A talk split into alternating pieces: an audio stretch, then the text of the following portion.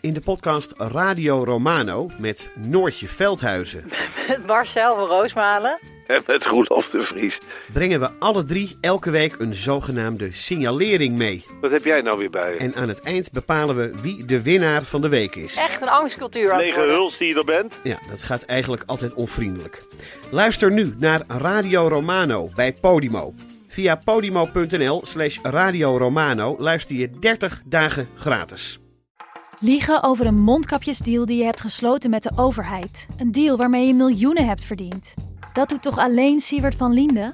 Nou, nee. Ik ben Felicia Alberding en in de Mondkapjesmiljonairs duik ik met een team van correspondenten in andere schandalen. Want wist je dat Siewert helemaal niet uniek is? Luister de Mondkapjesmiljonairs in je Podimo-app. Of ga naar podimo.nl slash mondkapjes. En probeer Podimo 30 dagen. podimo.nl slash mondkapjes. Hallo, dit is de wekelijkse podcast van de Groene Amsterdammer. Ik ben Kees van der Bos.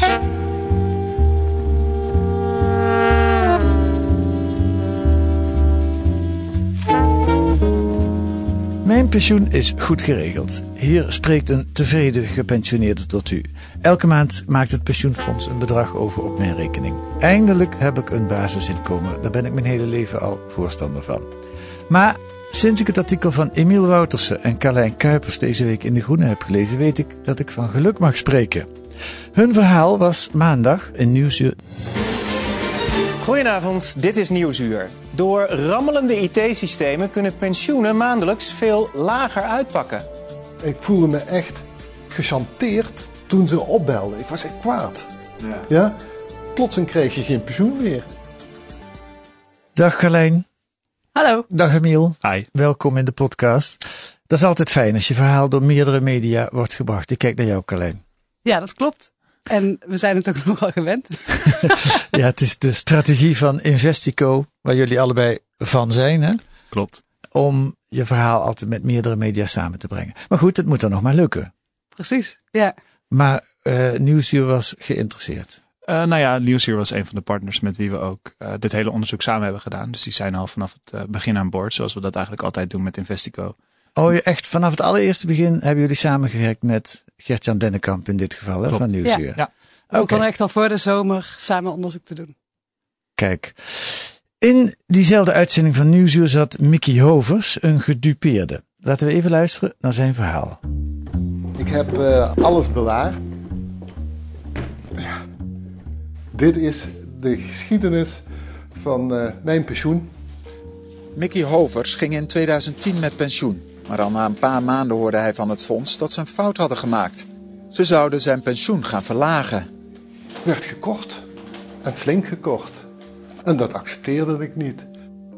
Hij stapte naar de kantonrechter die hem gelijk gaf. In naam van de koning. U krijgt gelijk van de Ik kantonrechter. krijg gelijk van de kantonrechter.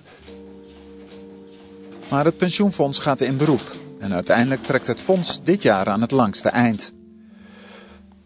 de, de, de typische rariteit in dit verhaal is dat het eigenlijk om een vrij reëel klein bedrag ging.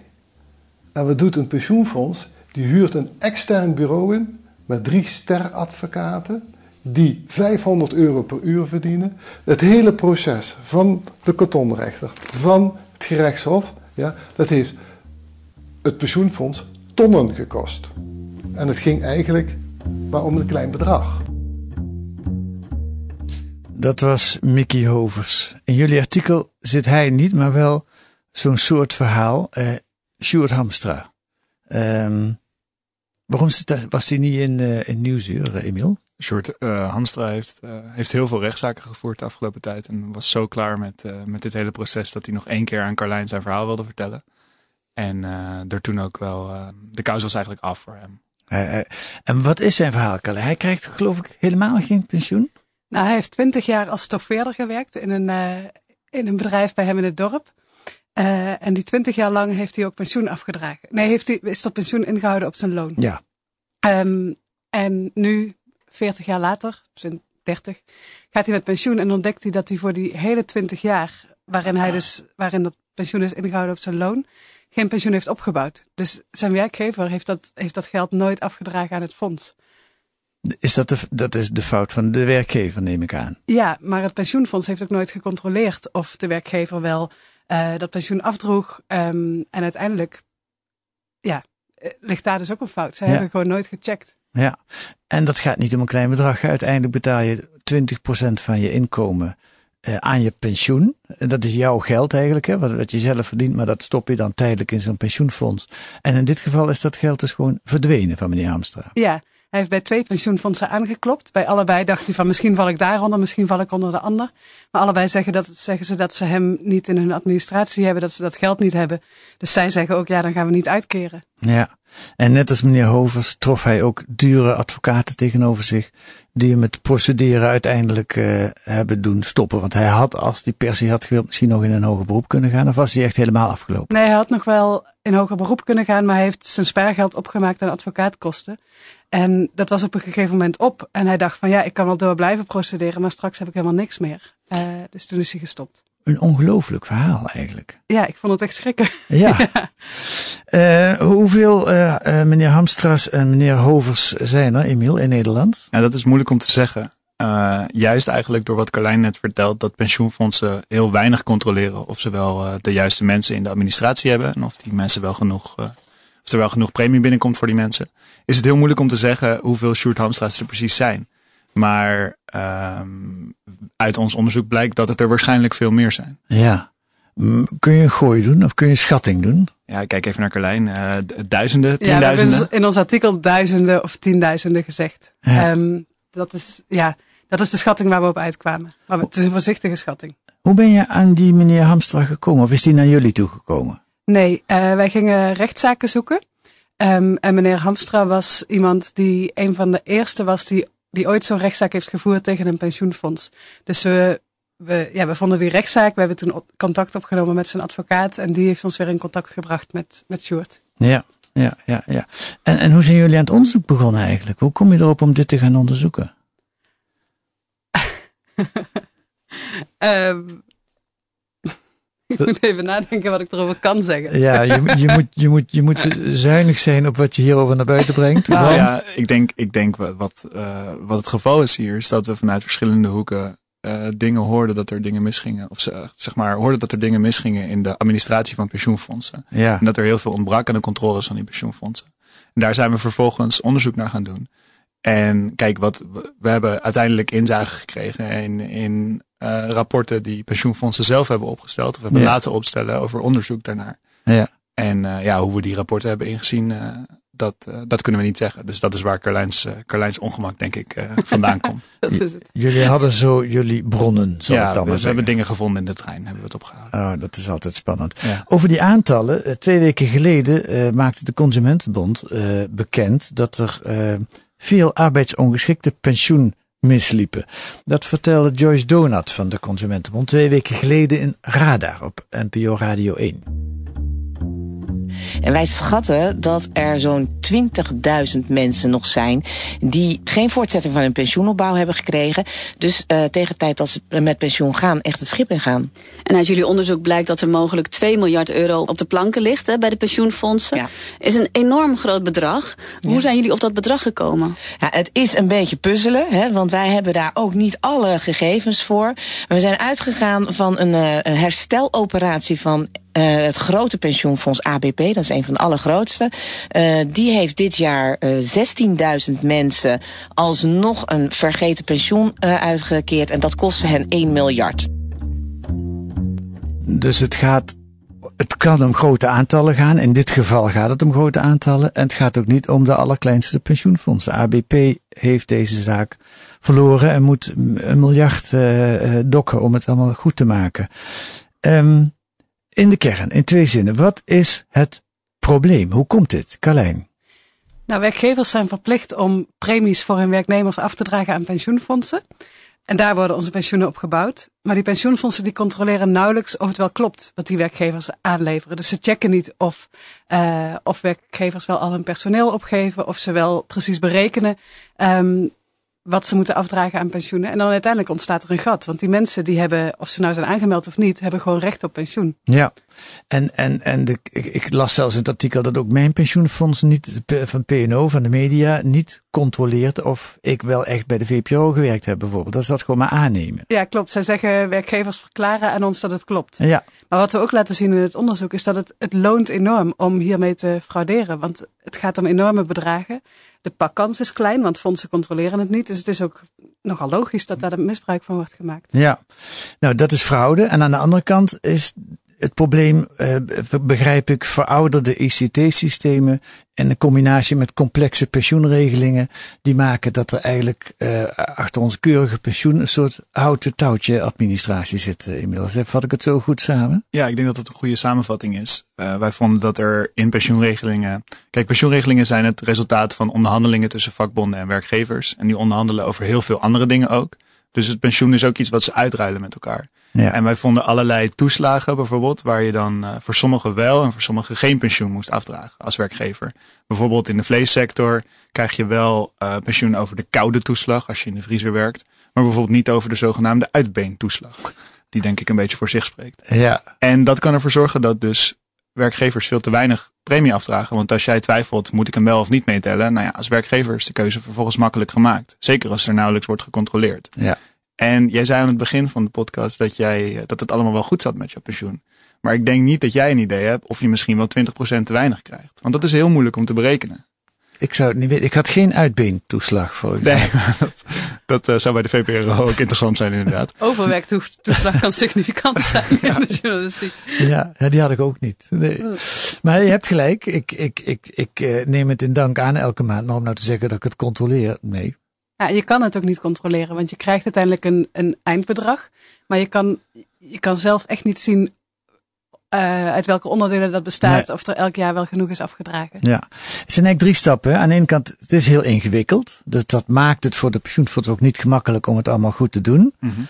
uh, het tweede stap is, je moet het allemaal bijhouden. En dat stamt nog uit een tijd dat nog computers er nauwelijks waren. En daarna verschillende automatiseringssystemen gemaakt zijn. Uh, met andere woorden, dat is een vreselijk ingewikkelde uh, toestand. Dat heb je volgens mij goed uitgelegd. En het derde is, daar begon jij over Carlijn, dat er ook gewoon sprake is van regelrechte fraude. Ja, we hebben wat rechtszaken gevonden waar uh, bijvoorbeeld bedrijven in de, in de vleessector gewoon weigeren pensioen af te dragen voor hun personeel. En dan moet dat fonds moet naar de rechter toe verschillende zaken doen om het bedrijf te verplichten om, om dat te betalen. Wacht we, even, er werken mensen bij een vleesverwerkend bedrijf. Ja. Dat weet het pensioenfonds ook, of die krijgen daar dan... Een... Nou, die ontdekken dat op een gegeven moment. Want het bedrijf meldt zich niet aan bij het fonds. Ja. En dan ja, ontdekken ze dat daar mensen werken. Dus dan is het zo dat die mensen pensioen moeten afdragen. Ja. Um, maar dan gaan er heel veel rechtszaken overheen om dat uiteindelijk voor elkaar te krijgen. In dit geval ging het om, om een uitzendbureau uit Luxemburg met Poolse of Slovaakse werknemers. Dus het was een beetje een ingewikkelde zaak. Maar ja. uiteindelijk was gewoon de conclusie van die mensen moeten, voor hen moet hier pensioen worden afgedragen. Ja. Ja, en ik las ook dat, maar ook ja, min of meer keurig bedrijf, weliswaar betalen ze niet veel, maar wel een bekend bedrijf, laat ik het zo zeggen, DHL, pakketbezorging, hebben ook, zijn vier jaar geleden de rechter gedwongen om 3 miljoen euro achterstallig pensioen over te maken aan het pensioenfonds. Met andere woorden, ook daar komt het voor. Ja, ja. Het onderzoek. Was het een moeilijk onderzoek? Emil, ik begin bij jou. Uh, het korte antwoord is ja, denk ik. Waarom? Uh, nou ja, omdat het een, het is een wereld, die pensioenwereld, waar, uh, nou, waar Carlijn en ik niet in eerste instantie enorm in ingevoerd waren. En het is voor iedereen ook een beetje een ver van je bedshow. Dus die wereld zelf, die staat ook een beetje op afstand van de rest van, de, rest van de samenleving bijna. Ja, ja. Waardoor, je, waardoor we er best wel lang over hebben gedaan om eigenlijk te begrijpen hoe dit werkt. Ja. Hoe, hoe geven werkgevers die data door aan, aan pensioenfondsen en pensioenuitvoerders, wat een laag is die er nog bovenop ligt. En, en hoe is die relatie daartussen? Uh, ja, hoe gaat dit allemaal in zijn werk? Dat heeft ons wel wat tijd gekost om daar een helder beeld van te krijgen. Had je vanaf het begin wel het, het, het vermoeden dat dit het verhaal zou worden? Of ben je eigenlijk, uh, hoe, hoe, waar, waar begon je naar te zoeken? Naar tekenen dat, uh, dat die werkgeverscontrole inderdaad um, te weinig is. Dat pensioenfondsen hun, hun werkgevers niet adequaat controleren. Mhm. En daar hadden we natuurlijk ook aanleiding toe. Mm-hmm. Omdat we documenten hadden die onderzoeken van uh, pensioenfondsen laten zien waar ze dat hebben onderzocht. waar hele alarmerende resultaten uitkomen en waar vervolgens heel weinig mee werd gedaan. Ja. En wat ik ook lees in jullie verhaal is dat je, dat je vaak min of meer voorgelogen bent. Of dat mensen verhalen vertelden die niet kloppen. Ja, we hadden dus een onderzoek ehm, dat werd gedaan bij het Pensioenfonds voor Hout en Jachtbouw. Ja. En we confronteerden daar de voorzitter van dat fonds mee. Is dat die meneer van den Heuvel die ook in, uh, ja. in, in, uh, in uh, Nieuwsuur zat? Was. Ja. Ja, ja. Nou wacht, dan gaan we even luisteren. Volgens mij horen we jouw stem ook nog. Kent u zelf het EBCC-onderzoek? Ja. En u zegt dat het daaruit blijkt dat, dat alles in orde was? Ja. wij hebben het rapport gezien. Ja. de formuleringen in het rapport zijn heel anders dan dat alles in orde is. Ja, maar er zijn meerdere rapporten verschenen. Niks aan de hand, zegt meneer Van Heuvel. Het was trouwens niet jouw stem, maar Gert-Jan Dennekamp. Maar hij staat hier te jokken, hè? Ja, dat bleek helemaal geen tweede rapport te zijn. Nee. Nee. En waarom doet hij dat? Ja, dat is een beetje gissen, maar ik, ja, ik vermoed dat hij, dat hij schrok. Maar Emiel was bij het gesprek, dus hij weet het beter. Daar gaan we naar Emiel. want, want je hebt dus, hij heeft uh, zelf, tenminste zijn pensioenfonds heeft zelf het probleem gezien en heeft er onderzoek naar gedaan. Er komt een rapport wat jullie uh, gelezen hebben, gezien hebben, waarin staat dat er wel degelijk iets aan de hand is. En vervolgens gaat hij een beetje toch uh, dat. Waarom geeft hij dat niet toe? Waarom gaat hij dat wegpraten? Omdat het rapport nu twee jaar oud is en er in de tussentijd dus weinig is gebeurd. Dus uh, hij, had, hij had al veel eerder actie om moeten ondernemen. En in een vervolggesprek hebben we ook weer met het bestuur van het fonds om de tafel gezeten. En gaven ze inderdaad toe dat er, dat er geen eindrapport was. Dus dat hij voor de camera heeft uh, gelogen. En daar zeggen ze dat ze met een, uh, een quote grove check uh, hebben kunnen zien dat de problemen die in het rapport stonden, wat dus gaat om miljoenen aan premie die missen en honderden werknemers die niet zouden zijn aangesloten, mm -hmm. um, dat, die, dat die problemen, nou de ergste gevallen hebben ze voor zichzelf kunnen verklaren met nogmaals een grove check, zeggen ze. Dus ze vermoeden dat er niet zoveel aan de hand is. Ja. Maar echt onderzoek hebben ze daar niet, aan, niet naar laten doen, omdat ze met allerlei andere urgente zaken bezig waren. Zoals de overstap naar een nieuwe administrateur en dat soort zaken. Maar wat is, want ik proef, eh, dat beschrijven jullie ook, een soort onwil, ook vanuit de pensioenwereld. Je zou denken, je, je kaart een probleem aan wat iedereen een probleem vindt. Ook de pensioenfondsen zelf uh, willen dit eigenlijk niet natuurlijk. Maar er is een soort onwil om het probleem te zien. Ja, ik denk dat er meerdere dingen spelen. Ik denk dat het voor een deel onkunde is. Ik denk dat we hebben van meerdere bronnen gehoord dat pensioenbestuurders eigenlijk nog maar half door hebben hoe groot het probleem is. Ook voor Dus hen is het heel ingewikkeld. Ja, en dat ze ook echt niet, niet zien dat ze, uh, dat ze een enorm risico lopen. Um, en daarnaast speelt van als je dit echt gaat onderzoeken, dan kan het dat er, nou, omdat, omdat het nooit is onderzocht, nooit is gecontroleerd, weet je niet wat je gaat aantreffen. En kan Hm. het dat je echt een enorm probleem gaat aantreffen. Uh, en ik heb, ja, we hebben de indruk, en daar hebben we ook wel belangrijke aanwijzingen voor, dat die fondsen het eigenlijk gewoon een beetje stil willen houden. Ja. En dat is ergens logisch, omdat er de afgelopen jaren al zoveel pensioenproblemen zijn geweest. Er waren kortingen, um, allemaal, allemaal dingen waar die bestuurders steeds, steeds uh, mee aan de slag moesten. Dus Mhm. ik kan het ergens ook wel snappen dat je dan denkt van, oh, daar kijken we later wel naar. En dat later, dat, dat is er nog steeds niet. En zou het ook te maken kunnen hebben met de ernst van het probleem? In de zin van, het is zo ingewikkeld ook om het op te lossen. Want die oude ICT-systemen die niet goed op elkaar aansluiten, ja, hoe moet je dat aanpakken? Dat is een peperdure operatie Ja, natuurlijk. en als je het gaat oplossen, heb je ook nog eens een, een flink gat op je begroting. Want dan zie je ineens van, of in je, ja, gewoon in je pot geld. Want Ja. dan zie je ineens van, ik moet veel meer gaan uitkeren dan wat ik heb. Ja. Een collega van ons die vergeleek het met het klimaatprobleem. In de zin van dat de gevolgen waarschijnlijk pas over een hele lange tijd zichtbaar worden. Als Ja. mensen met pensioen gaan. Ja. Maar dat nu eraan doen een enorme operatie is. En Ja. dat er daarom eh, weinig gebeurt. Dat vond ik wel een interessante vergelijking. Ja, um, wanneer, dat vind ik ook nog wel een interessante vraag bij zo'n ingewikkeld onderwerp. Wanneer, wat was het moment in jullie onderzoek dat je dacht, yes, dit gaat een groot verhaal worden? Of yes, nu begin ik het echt te snappen wat er aan de hand is. Het was na heel veel uren praten met mensen. Um, want we, we, snapten er in het begin echt helemaal niks van. We wisten te weinig van pensioenen. We, we waren allebei op dat moment nog ZZP'er. Dus we, we bouwden zelf geen pensioen op. We hadden echt geen idee. ZZP'ers doen niet aan pensioen, hè? Wij niet. Ja, niet bij een pensioenfonds in ieder Nee, geval. nee, nee. Dat moet je zelf regelen. Ja. ja. ja. Um, dus we moesten ons ja, echt helemaal onderdompelen in, in hoe dat werkt. In wat werkgevers moeten afdragen. En in woud aan afkortingen en regels waar we echt geen idee van hadden. Oké, okay, maar dan komt er een moment dat je denkt, ja, nou begin ik het te snappen. Ja, ik denk niet dat er één zo'n moment was. Maar het, het bouwde steeds op. We hebben Uh, we hadden die gesprekken en daarna gingen we uit verschillende bronnen allemaal informatie halen. Dus we gingen naar rechtszaken, we gingen jaarverslagen checken, we spraken met toezichthouders.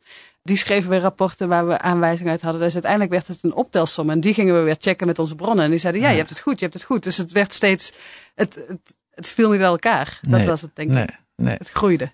En het probleem was niet alleen dat jullie het moeilijk vonden om het te snappen, maar dat het ook niet door alle ingewijden werd erkend. Hè? Je, werd soms ook, je sprak ook soms mensen die zeiden dat je bij het verkeerde eind had. Of dit, dat is helemaal geen probleem. Of...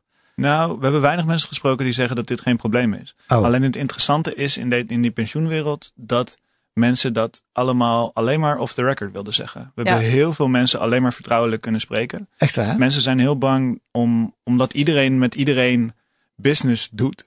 Zijn mensen bang om, om, om, om elkaar voor de schenen te stoten?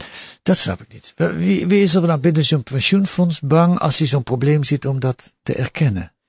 Nou, de, de meeste mensen met wie we gesproken hebben, zij werkten bij pensioenuitvoerders. En Ja. dat zijn bedrijven die voor pensioenfondsen de administratie doen. Ja, dus dat moeten wij uitleggen. Het pensioenfonds hoort dat te doen, maar dat doen ze niet zelf. Dat besteden ze uit aan Ja. eh, administratiebedrijven, met name waar we nog nooit van gehoord hebben. Ja, en dat zijn de mensen die weten hoe het zit. Want die Ja. pensioenfondsbestuurders die krijgen eigenlijk informatie van Ja. hen afgeleverd. Dus als je echt wil weten hoe het zit, dan moet je bij die pensioenuitvoerders zijn. Ja. En dat zijn volgens mij vijf bedrijven of zo in Nederland. ehm, die allemaal niet bekend zijn. Ze hebben namen als AZL, TKP, MN Services. Nou, daar heb je waarschijnlijk nog nooit van gehoord. APG. PGGM. ja, die, die zijn wat bekender. Ja, maar ja. het is echt een heel klein wereldje van Ja. voor- voornamelijk IT'ers. Ja. Eh, en zij... Ja, ja, en als die dat aan de bel gaan, stille wereldje. Ja, als die in de bel gaan trekken, dan verliezen ze misschien klanten bij de pensioenfondsen. Zo zijn ze daar bang voor. Ja, dat is het. Ja, ja. Ja. zij willen, ehm, ja, zij willen naar die pensioenfondsen in ieder geval het, het beeld scheppen dat ze het onder controle hebben. En ze willen wel graag dat het in de publiciteit komt, dus ze willen dan wel met jullie praten, maar dan off the record. Ja. Ja, soms. We hebben ook mensen van pensioenuitvoerders in ons verhaal on the record. Maar veel mensen die off the record met ons praten, zeiden: Dit is een heel groot probleem. En iedereen weet het wel een beetje, maar niemand durft het te onderkennen. Ja. En eh, dat was lastig aan dit verhaal, dat, eh, dat, eh, dat die wereld zo, eh, zo gesloten is eigenlijk. Ja. Nou, het ligt nu eh, op tafel. Het staat in de groene. Het was in Nieuwsuur. Eh, Investico is ermee bezig. En eh, morgen is het in de Tweede Kamer. Komt het aan de orde, want Pieter Omtzigt gaat het eh, aan de orde stellen. Hij zei er in Nieuwsuur dit over. Je betaalt soms 20% van je eh, inkomen eh, aan pensioenpremies samen met je werkgever. En dan zou je niet precies mogen weten waar je recht op hebt. En dan zou er in één keer heel veel naast kunnen zitten. Dat is toch geen manier van administreren? Gaan jullie naar het Kamerdebat morgen? Ik heb geen tijd. Nee? En Emiel? we gaan de resultaten zeker bekijken. Ik Ja. eh, ben er ook niet bij, maar Oh, eh, Oké. we, houden de- we houden het in de gaten. Goed. Nieuwsuur gaat het doen. Dat is het voordeel van samenwerken. Nou goed, en wij houden het ook weer in de gaten. Dankjewel, Carlijn Kuipers en Emiel Woutersen van Platform Investico. Lees deze week in De Groene ook een artikel over Pretpark De Wallen. Hoe de Amsterdamse hoerenbuurt een toeristische attractie werd, met dank aan de gemeente. En een stuk over de trage asielprocedure, waarbij de overheid kansrijke asielzoekers extra lang laat wachten. Dat kan allemaal met een proefabonnement of met een abonnement natuurlijk op De Groene. Ga naar groene.nl, daar staat dat allemaal uitgelegd. Volgende week zijn wij er weer met analyses en achtergronden bij het nieuws in deze podcast van de Groene Amsterdammer.